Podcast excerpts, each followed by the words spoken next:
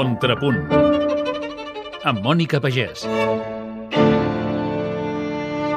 Andras Schiff, La noblesa del piano.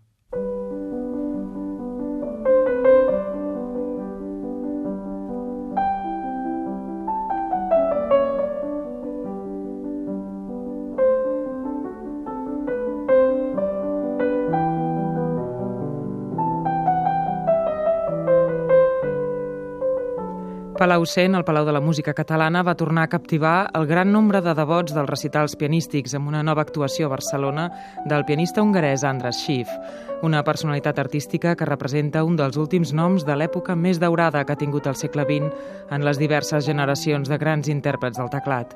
Andras Schiff va oferir un recital de quasi una hora i mitja, sense pausa, en el que establia un joc de miralls entre quatre exemples de sonates per a piano compostes per Joseph Haydn i Wolfgang Amadeus Mozart en l'origen del classicisme i entre l'obra de Ludwig van Beethoven i de Franz Schubert en la posterior derivació cap a l'esperit romàntic. En primer lloc, Schiff va interpretar la sonata opus 60 de Haydn, seguida de la sonata número 30 opus 109 de Beethoven.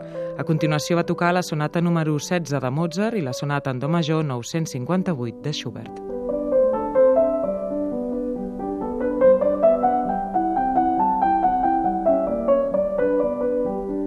Aquest equilàter musical que Andrés Schiff va establir entre Haydn, Beethoven, Mozart i Schubert es convertia en les dues cares d'una mateixa moneda.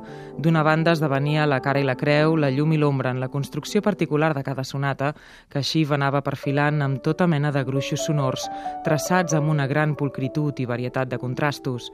I de l'altra, la connexió que establia amb el caràcter de cadascú i amb la intenció del seu discurs musical, a mig camí entre l'home i la divinitat, entre el misteri i la certesa.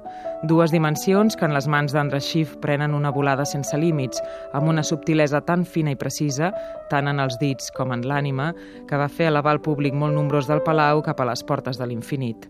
Una sensació que en acabar del tot el recital es va convertir en una ovació exultant que Andres Schiff va agrair amb tres obres fora de programa, l'Andantino de la sonata opus 20 de Schubert, el primer temps del concert italià de Bach i la bagatela número 6 de Beethoven.